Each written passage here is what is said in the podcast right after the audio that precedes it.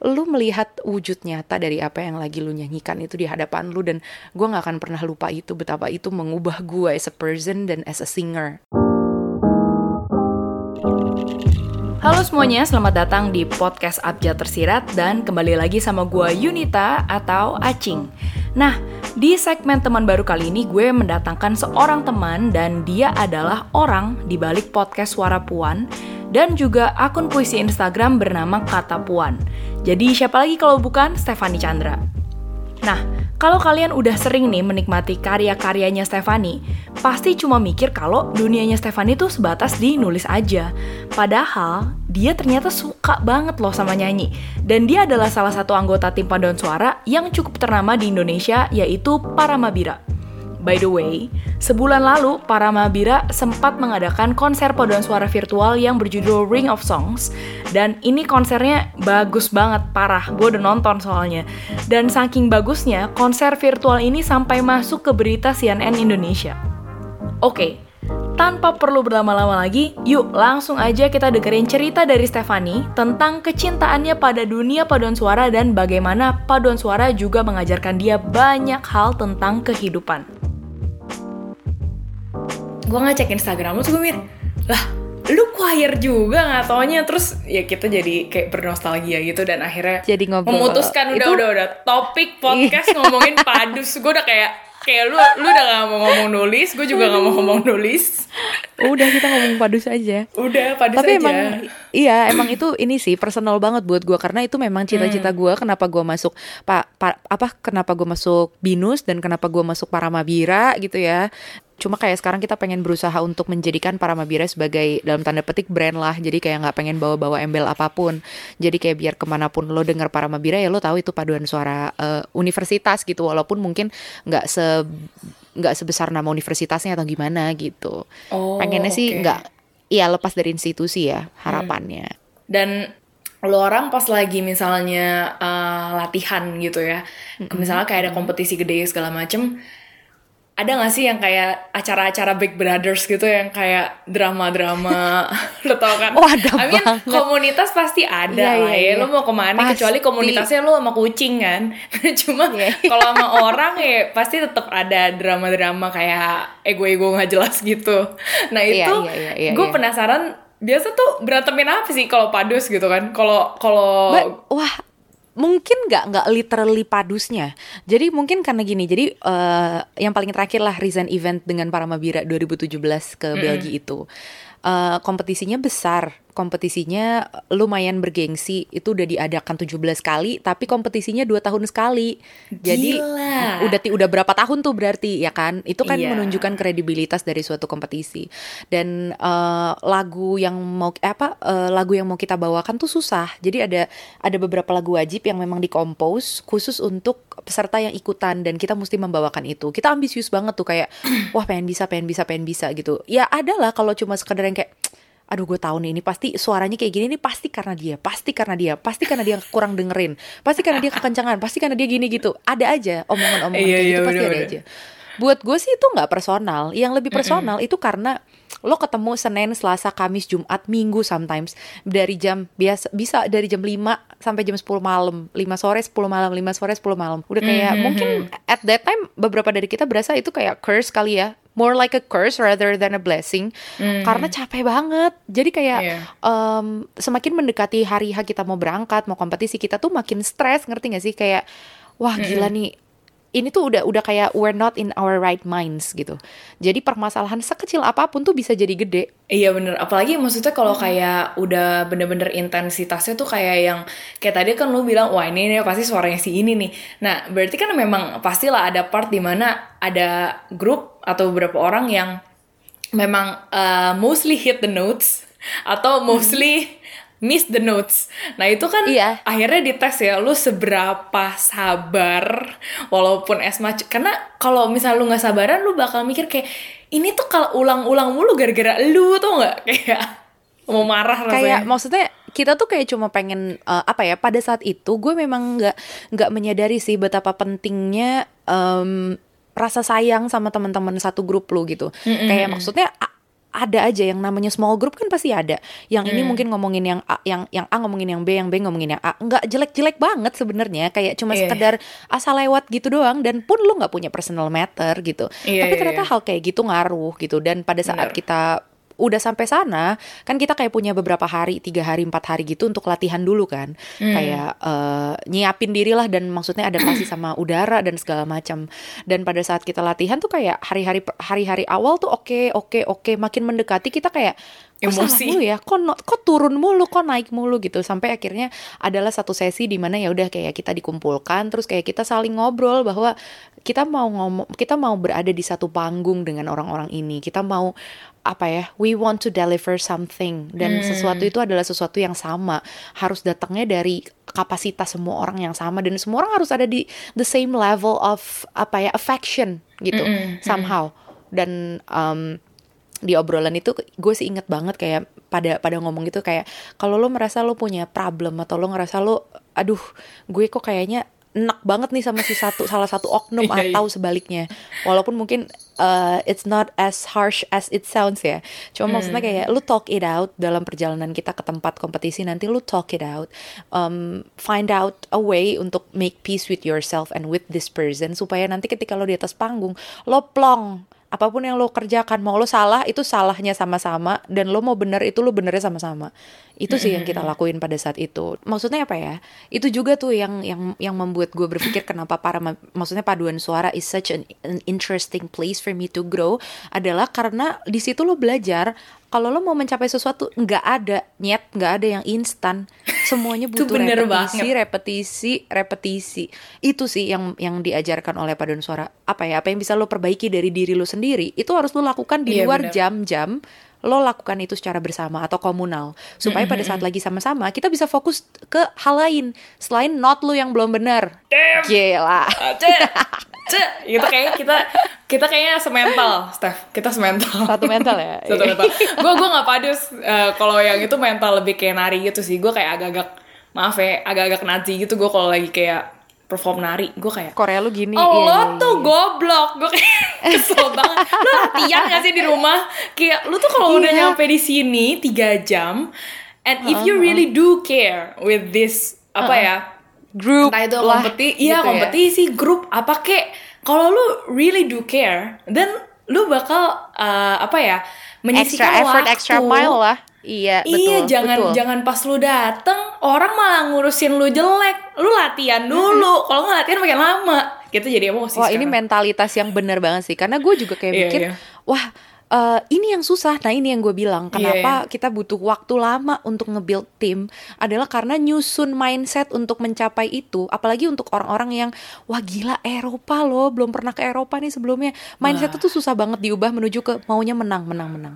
Tapi Iya, gue bisa bilang kita cukup berhasil di tahun 2017 kemarin sampai be- beberapa teman-teman kan eh, kita punya waktu untuk extend. Ada beberapa yang kayak mungkin mereka mau punya plan sendirilah either ke Paris atau ke mana. Mereka tuh sampai nggak kepikiran itinerary extend mereka karena mereka mikirin kompetisi dulu.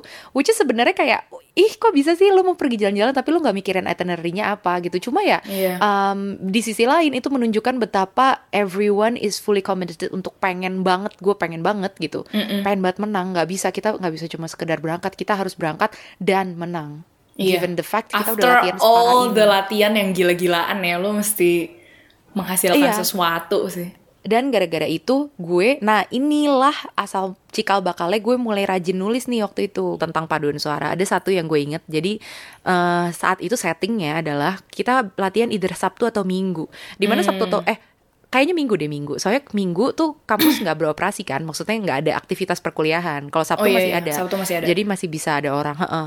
nah hari minggu tuh kayak cuma sekedar eh, satpam yang jaga sama kita doang kayak nggak ada orang lain. Iya. dan ruangan-ruangan tuh dikunci. Jadi kita tuh sering nggak kedapatan ruangan gitu loh. Hmm. Um, kayak for for one reason and another kita jarang dapat ruangan di hari minggu ya. Which is Iya. sebenarnya bisa banget dimengerti karena mungkin AC-nya sentral. Lu nyalain satu ruangan berarti lu mesti nyalain semua. Might as well kita akhirnya latihannya di depan gitu. Jadi ada kayak satu area kosong melompong. Biasanya itu buat anak-anak em, drama anak-anak teater atau anak-anak nari yang latihan. Tapi kan kebetulan mereka lagi nggak latihan tuh. Kita pakailah tempatnya dan itu tuh kayak cuma kotak berapa kali berapa gitulah mm. kayak nggak nggak besar tapi tuh outdoor gitu jadi ada sih tutupannya kayak uh, semacam hallway gitu mungkin kalau lo mau iya. ngebayangin yeah. yang ujung dua-duanya tuh kebuka gitu iya. terus yeah. waktu itu sore jadi kita mulai latihan kalau nggak salah dari jam 3 dan kita bakal latihan sampai jam 9 malam 6 jam tuh. Mungkin kayak di tengah-tengahnya tuh ada jadi depan kampus gue depan kampus binus ya dan itu ada masjid. Dan setiap jam 6 sore azan maghribnya tuh pasti kencang banget dan kedengeran sampai kampus. Tapi kita lagi latihan kan jadi kayak dan itu lagi hujan dan ada suara azan maghrib ini berkumandang kita nggak bisa ke mana-mana. Jadi kompetisi yang mau kita ikutin ini ada dua kategori. Ada mix choir which SATB sopran alto tenor bass dan uh, apa namanya equal equal voice. Equal voice tuh cuma cowok-cowok doang hmm. waktu itu yang kita hmm. ikutin. Jadi ketika si cowok-cowoknya ini latihan ya udah pasti cewek-ceweknya nggak ngapa-ngapain kayak cuma aduh gue ngapain nih mati gaya main hp ke Lawson beli minum apa segala macam. Tapi pada saat itu tuh enggak karena lagi hujan gede dan lagi lagi lagi sholat juga jadi kayak kita berusaha untuk uh, menjaga suasana setenang mungkin. Mm -hmm. uh, dan ya udah kita nggak ngapa-ngapain kita cuma ada di ruangan itu bersama-sama enjoying each other's company dan udah it it, it was a very beautiful um, experience yeah. for me as a as as a singer. Pada saat itu gue yakin mungkin beberapa temen gue uh, yang dengerin podcast ini akan lupa kali kayak eh emang ada ya momen itu? Ada nyet. Karena gue tulis tentang itu gue tulis settingnya gue tuh teman-teman lo yang panas kayak ini lo berhayal atau apa sih? Enggak, ada, ada, bener. Enggak, mereka, bener, iya. iya. Mungkin karena mereka kayak, oh wajar lah lu ngomong kayak gini, lu kan hardcore banget nih padusnya gitu. Iya, iya. Itu tuh yang amazingnya ya, maksud gue, uh, komunitas apa pun itu, saat lu bener-bener akhirnya datang ke sana, no matter how bad your day is gitu, mm -mm, mm -mm. dan lu mikir, oke, okay, di sini bukan cuma ada gue doang. Di sini orang nggak perlu menghibur gue semuanya like the world doesn't revolve around me itu gue rasa that's yeah. when the magic happens sih saat lo akhirnya yeah, yeah, yeah.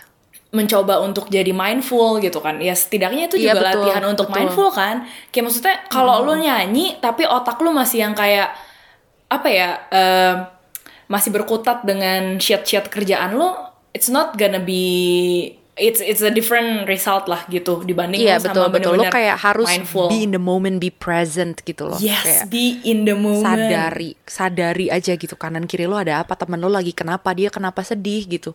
Yang mm -hmm. kayak gitu-gitu sih. Gue tuh juga um, ada satu momen uh, ini tahun 2014 waktu uh, kompetisi di Spanyol. Ada satu gereja. Jadi hari itu kita udah capek banget nih. Kita kita habis habis menyelesaikan babak kedua pada saat uh, kompetisi 2014 itu dan kayak ibaratnya kompetisinya baru selesai tapi programnya belum selesai dan hmm. pengumumannya juga belum dikasih tahu. Jadi kayak kita masih di ambang batas antara gue perlu optimis atau gue perlu eh, pesimis nih tapi intinya gue udah capek banget gitulah. Yeah, yeah. nah jadi di momen itu kita nyanyilah uh, perform di satu gereja ini. Um, aduh gue jadi pengen nangis. Jadi uh, kita capek banget nih dalam perjalanan menuju ke tempat itu mungkin kayaknya itu kayak beda region gitu deh jadi hmm. perjalanan busnya tuh gue inget panjang kayak mungkin satu jam dua dua jaman gitu sampai kayak kita tidur di jalan gitu saking hmm. lamanya pas nyampe ya udah huru hara dong kayak ganti baju make up segala macam yeah. pas akhirnya kita perform jadi gerejanya tuh memang udah cantik, udah cantik sendirilah. Ya namanya juga gereja dibangun dengan akustik yang memang bagus untuk nyanyi gitu kan. Mm -mm. Dan uh, udah nih eh, masuk-masuk itu tuh bahkan jadi kayak mata kita tuh tertutup maksudnya kita jadi nggak bisa ngeliat itu karena kita lagi capek gitu tapi hmm. udah anyway kita kita kita siap-siap cuci muka make up ganti baju segala macam dan siap untuk perform dari MC-nya ngomong jadi kan kita ada di belakang panggung dong nih iya. sebelum siap-siap yeah. masuk dari MC-nya ngomong sampai memperkenalkan akhirnya MC-nya memperkenalkan si Pepi memperkenalkan Raini Revi Reino from Indonesia para Mabira bla bla bla bla bla dari pertama kali Pepi masuk eh dari dari orang pertama masuk sampai orang terakhir yang masuk yakni si Pepi tepuk tangannya nggak berhenti jadi aplausnya tuh sepanjang itu itu hmm. hanya sekedar membuka membuka jalan kita masuk loh. Kita belum nyanyi, belum ngapa-ngapain. Mm-hmm. Itu aja udah udah mood kita tuh udah mata udah jereng lagi, mood lu tuh udah happy lagi karena lu tahu iya, lu diapresiasi. Walaupun yeah. mereka belum denger lu, bisa aja lu kedengeran, bisa aja lu sound shitty, tapi mereka mungkin doesn't give a shit kali karena lo ada di sana untuk menghibur mereka gitu. Yeah. Nah, anyway, uh, kita nyanyi uh, dan itu gereja full. Jadi kayak sampai depan-depan sampai belakang-belakang kursinya tuh semuanya full. Itu gue bener-bener ingat momen itu. Jadi uh, ada satu ada satu lagu yang berkesan banget buat gue. Judulnya adalah hmm. Amor Demi Alma. Yang hmm. artinya adalah you are the love of my life gitu kan. Terus ya udah nyanyi. Di depan gue di depan gue itu ada kakek-kakek. Dia datang sama uh, nenek sama nenek-nenek mungkin pasangannya gitu. Terus pada saat kita nyanyi itu mereka sambil pegangan tangan neneknya ini tiduran di punggung kakeknya mereka senyum tutup mata mereka dengerin kita nyanyi terus gue nengok lagi dikit ada lagi kakek-kakek lagi dia sama cucunya tapi dia Down syndrome karena setiap pada saat kita nyanyi dia ngeces banyak banget dan dia sambil tepuk tangan gitu mm. dan dan lagunya adalah You Are the Love of My Life. Mm. Jadi kayak uh, the the very sight pokoknya kayak pandangan gue yang yang ada di depan gue adalah itu kayak cerminan langsung dari apa yang lagi gue nyanyikan. Dan lagunya sangat-sangat romantis. Spanish uh, udah udah gitu dengan bahasa yang romantis pula menurut gue jadi kayak lu melihat wujud nyata dari apa yang lagi lu nyanyikan itu di hadapan lu dan gue nggak akan pernah lupa itu betapa itu mengubah gue as a person dan as a singer terutama. Gila Steph, gue tadi sebenarnya nangis pas lu cerita ya choir gereja. Gue kayak apa yang terjadi dengan diriku? Tapi nggak tahu sih gue gue apa ya?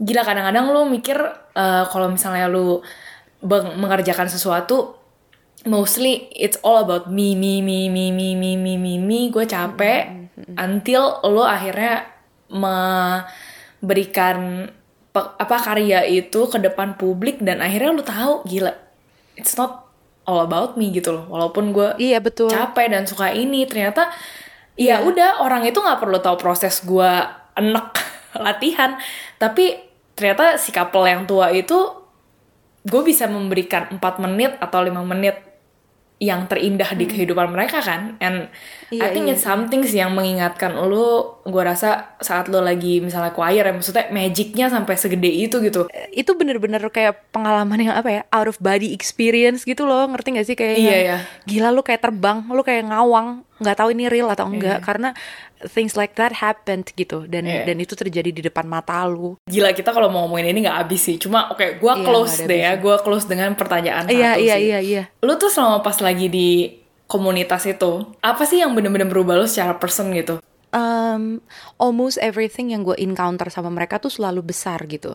Kayak uh, life is not always sweet and it's not always melody, tapi kayak when you're singing, when you're with them, when you have a community um, consist of good people, good friends, dan lu bisa do things you like the most sama orang-orang yang you like the most juga, it makes you realize bahwa apa pun yang might come your way, it could be hard, tapi itu akan baik-baik aja selama mm -hmm. lu punya mereka gitu. In the middle of a bad day, ketika lu ngerasa lu cuma ordinary person gitu, tapi lu be with these people nih, kok bisa sih itu membuat lu ngerasa kecil gitu.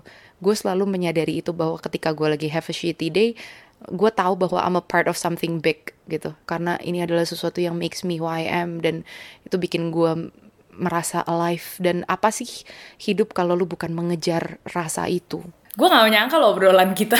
Jadi jadi sedalam ini emang orang-orang penulis iya, ini. iya, iya. nggak boleh berkumpul kayaknya jadi kayak rusuh sendiri ya. Tapi gue seneng banget sih. Anyway thank you banget lo udah maksudnya kayak thanks for having me. Gue seneng banget cerita-cerita tentang ini. Since gue belum pernah panjang lebar ngomong di podcast tentang perpaduan suaraan dan kita juga kayak tiba-tiba kan waktu itu gara-gara lu iya, iya nonton iya, virtual concert yang mau gue adakan di Instagram pribadi gue. Tapi ya gue seneng banget sih maksudnya membahas ini kayak mem lagi-lagi membuat gue ingat karena di masa-masa karantina kayak sekarang juga kayak we can't do distance teman-teman teman-teman choir ini kita nggak bisa latihan terpisah. Gimana coba caranya gitu kayak lu mau nyamain suara dan dan nggak ada teknologi yang membuat membuat itu mumpuni. Kalaupun lu bikin virtual choir itu juga lu mesti pisah satu-satu lagi recording terpisah. Anyway, lu nyanyi sendiri gitu. Yep. Tapi ya itu itu yang itu yang sangat-sangat gue rindukan di masa sekarang dan talking about this kayak membawa gue relief dan kayak bikin gue inget aja bahwa jangan sampai masa-masa kayak gini membuat kita lupa with um, the power of music gitu. Dan ini momen promosi. Coba Stefani yeah. untuk yang nggak tahu lu kalau misalnya mau reach out lu uh, mungkin secara personal atau secara dari segi tulisan gue bisa ditemukan di Instagram uh, @stefanage s t e f a n e y c h mm-hmm. atau di Instagram tulis menulis gue @kata.puan gitu. Gue juga mm-hmm. seorang podcaster. Gue membacakan beberapa tulisan-tulisan gue di podcast Suara Puan. Uh, mungkin teman-teman bisa juga dengerin itu. Gitu aja sih dari gue. Ah, asik. Terima okay, kasih okay. banyak loh. Kayak yeah, iya. senang banget. Terima kasih. Intriguing. Sama-sama. gue gue bakalan ini kita sampai kayak apa sih ini ngomong apa sih ini kayak kucing gue udah kayak lu orang ngapain? Lu temen lu tuh siapa sih? Ngomongin apa sih? Oh, kucing gue udah kelihatan udah banget judge gitu. Nah, itu tadi obrolan gue sama Stefani Chandra. Jadi kalau misalnya kalian mendapatkan sesuatu dari obrolan ini, jangan lupa untuk follow podcast Abjad Tersirat dan feel free untuk share episode ini ke teman-teman kalian yang mungkin membutuhkan. Dan kalau kalian kepikiran a certain topic atau orang mungkin yang mau diundang di segmen teman baru, nah bisa langsung ngobrol-ngobrol aja sama gue di Instagram at abjadtersirat atau di email abjadtersirat at gmail.com. So see you for the next episode and bye! Thank you.